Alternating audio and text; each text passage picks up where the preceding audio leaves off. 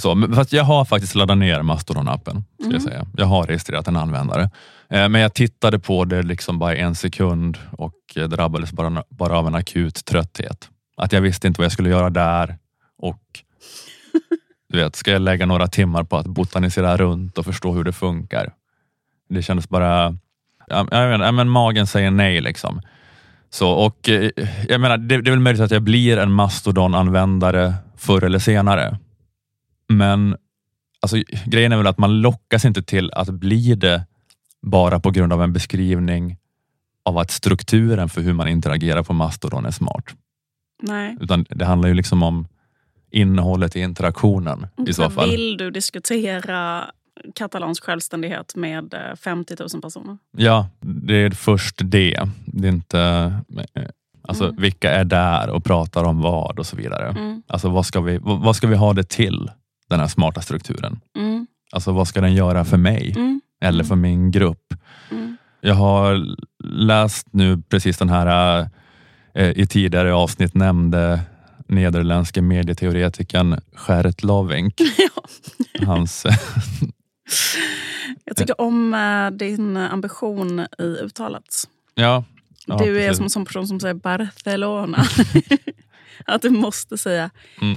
ett perfekt Ja, Gert varje gång du pratar om honom. hitta precis rätt plats i gommen och Ja, ta du- du- avstamp ifrån. Du har verkligen hittat också rätt plats i gommen. För det låter Det vet väldigt... vi inte. Jo, jag, vet, tycker, jag tycker liksom det låter som att du har hittat det absolut mest perfekta nederländska uttalet.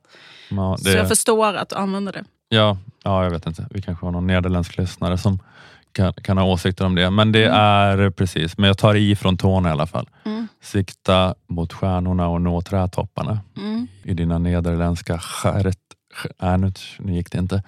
Ja, men i alla fall, Gerrit Lovink, hans Mm. nya bok eh, Stuck on the platform har jag läst. Mm. Som, då, eh, ja, som titeln antyder så handlar då om att vara fast på sociala medier-jättarnas plattformar. Att vara stuck on the platform och hur vi eventuellt ska ta oss därifrån. Och eh, Mastodon nämns för övrigt liksom i den här boken eh, som, ett, som en så här bra och inspirerande grej. Men det är också en passage i boken apropå det här jag sa nu där han eh, citerar, eller han- han citerar en som heter Francesca Musiani som är en, någon annan internetforskare. Men hon säger då att eh, när det gäller det här liksom med techkritik och eh, kritik av internet som det ser ut idag så blir det här liksom pratet om decentralisering, det blir ofta ett mål i sig själv. Att man så pratar om att vi behöver decentralisering, att det blir som ett mål i sig själv. Eh, liksom utan diskussion om vad som är avsikten och vad som är den önskade effekten av det. Mm. Mm. Så det kanske problemet är att man inte vill vara social med andra människor. Hur ska man lösa problemet med social media när grundproblemet är att man inte vill interagera med andra? Precis. Jag hatar internet har jag sagt eh, länge. Så, så när, de- när det problemet blir löst så kommer nästa problem. Jag hatar människor. Jag vill inte ha ett samtal eller en diskussion med någon. Jag vill inte höra någons åsikt om något. Ja, det, är- det är svårt. Mm. Ja. Ja, men hon, eh, Musiani säger det att eh, arkitektur är politik. Men det ska inte förstås som ett substitut för politik. Om du förstår Mm. vad som menas med det här Absolut. sammanhanget. Mm. Vad som menas med det här sammanhanget. Att hon säger att man är eh, liksom för snar att anta att decentraliserade protokoll på grund av deras tekniska egenskaper automatiskt kommer skapa decentraliserade politiska, sociala och ekonomiska resultat.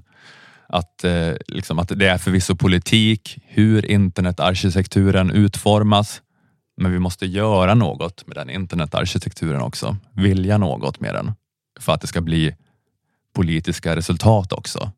Alltså det, ja men det är väl som att det är inte att göra uppror mot påven i Rom och starta reformationen bara att uppfinna tryckpressen. Nej, just det. Utan det är ju att som Martin Luther vilja skriva de här upproriska skrifterna. Och sen gör tryckpressen att det kan få ett helt annat politiskt resultat än vad det hade fått eh, utan den. Man, eh, ja, man, man- blir inte protestant med argumentet tryckpressen finns. Nej. Den är uppfunnen.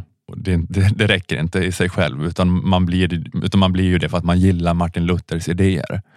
och anledningen till att de idéerna går att sprida så bra är tryckpressen. Men det är, liksom, det är, först, det är ändå först idéerna som behövs såklart. Och på samma vis är det, liksom, det är ju när man får reda på vad folk vill eller vad folk gör på Mastodon. Alltså det är ju det som kan locka in en. Och då gör kanske strukturen att det blir en väldigt bra och så här, fruktbar miljö för att engagera sig med de idéerna. Men det är, liksom, ja, det är ju idéerna som är grejen ändå först och främst, inte strukturen som idéerna kan frodas i. Det här var ett litet smakprov. För att uh, lyssna på detta avsnitt, gå in och köp en prenumeration för endast 29 kronor i månaden på underproduktion.se stormens utveckling.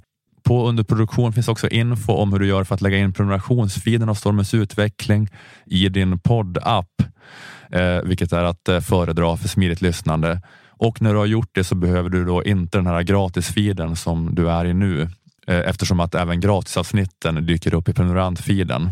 Och går du in på underproduktion.se appar så finns det eh, pedagogiska videoguider för eh, de olika apparna. Du kan välja vilken som är din favoritapp som du använder och så finns det en videoguide där för hur man lägger in eh, prenumerantfiden i sin poddapp där. Och eh, får man ändå inte rätt på det så kan man alltid mejla till support underproduktion.se för snabbt svar.